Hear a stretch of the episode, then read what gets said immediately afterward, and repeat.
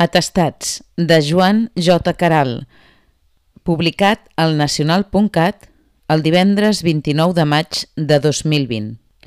La crisi desfermada arran de l'informe de la Guàrdia Civil sobre la manifestació del 8M entre el govern espanyol i l'Estat, és a dir, entre uns polítics i, per tant, interins i les institucions de veritat de l'Estat, l'escalfant permanent i etern, fa saltar pels aires el sistema.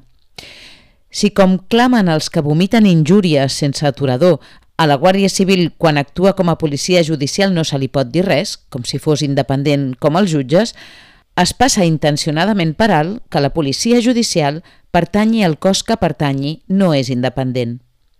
Tampoc, malgrat que s'hi ha posat l'accent, practica diligències reservades judicials – les diligències judicials no són reservades. És més, d'acord amb la jurisprudència constitucional i d'Estrasburg, tret del secret expressament declarat de menors i alguna altra excepció, les actuacions judicials no poden ser sostretes a l'opinió pública. Un cop més, els soi-disant constitucionalistes estan gripats. Fullejant l'informe en qüestió, presentat a la jutgessa d'instrucció número 51 de Madrid, es veu clarament que és un atestat que no entra, per manca de base fàctica, en el fons de la qüestió. Doncs, savoir de soi, la Guàrdia Civil manca de coneixements mèdics per dur-ho a terme.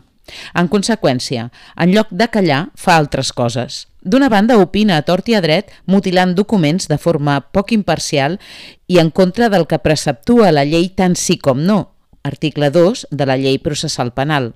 L'opinió de la policia judicial sobre si tal acte té aquest significat o no és judicialment irrellevant. El que la policia ha de facilitar al jutge és un fet, no una opinió. Alguna mostra més, a part de les que ja vaig exposar aquí mateix fa pocs dies. Tot se centra en la manifestació del 8M, manifestació, recordem, feminista i, per tant, perillosa a ulls dels antisistema que pululen per la carrera de San Jerónimo o la plaça de la Marina Espanyola. Però és que el 8M també hi va haver la reunió de Vox a Vista Alegre. Malgrat que algun dirigent va sortir-ne, si és que no va entrar-hi infectat pel coronavirus, no s'esmenta res en l'informe. Una reunió sota sostre no es diria menys infecciosa que una manifestació al carrer. D'això la policia judicial verda no n'opina, ni ho ressenya, ni dels partits de futbol ni d'altres concentracions més o menys massives. El feminisme, com sospitàvem, és per alguns un dissolvent social. O el de sempre, els afins res. Contra els dissidents, pluja de desqualificacions. Aquí el dissident és la Moncloa. Però aquestes opinions policíaques en què es basen? En tres fonts. Declaracions de testimonis en seu policial, és a dir, sense les garanties processals, que en ser transcrites en l'informe manifesten el contrari del que van dir en presència policial. A més, un munt de resolucions administratives d'organitzacions internacionals i europees i de comunitats de dirigents i d'experts, o no tant, en matèria del que esdevindria la pandèmia. Es barreja tot, es trosseja d'aquí i d'allà i es passa pel turmix del viatge. I finalment, la joia de la corona.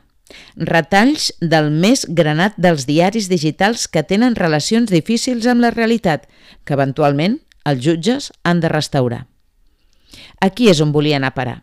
Els retalls de diari com a font de preprova judicial – Judicial perquè la jutgessa no ha tornat l'informe pel mateix conducte que l'ha rebut i l'ha incorporat a la causa. Fem una mica de memòria. Quan regnava Fernández Díaz, rar era el dia que no hi havia matèria per sucar i pa. Per exemple, de les converses gravades al Ministeri i difoses en va sortir mal parat el director de l'època de l'oficina antifrau, Daniel de Alfonso.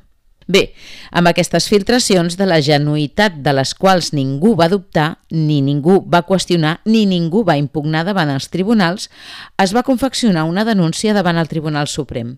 Denúncia que va ser arxivada de pla perquè, segons la resolució de 7 de novembre del 2016, els retalls de diari no són de fiar. Recorden? Así, la apoyatura indiciaria de los hechos que se imputan son las noticias periodísticas que contienen las transcripciones de unas conversaciones respecto a las que se ignora la calidad de su correspondencia con la realidad.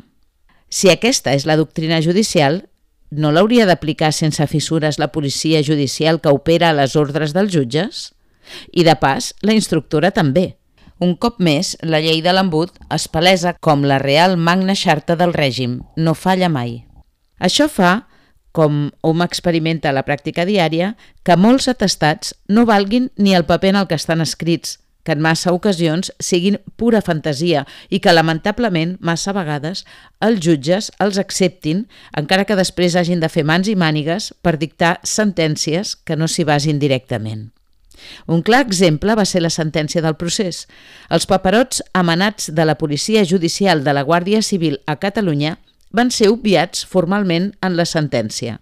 Per exemple, ni l'Enfocats ni la Moleskine peces nuclears dels atestats del tinent coronel Baena, que no va veure res del que va escriure segons les seves pròpies paraules, no van ser ni tan sols exhibides en el judici. Segurament hom pensaria que amb les paranormals relacions amb la veritat d'alguns testimonis ja n'hi havia prou. De tota la faramalla, que són molts cops els atestats, especialment quan són polítics, reforjats en el gresol antieta, amb dos jutges ministres, el govern més progressista de la història, de quina, en devia ser ben conscient. Molt especialment Marlaska, tres cops censurat per Estrasburg per fer cas de la policia i no dels presumptes torturats. Alguacil alguacilado se'n diu això. Quevedo, tan reaccionari ell, un cop més la va clavar.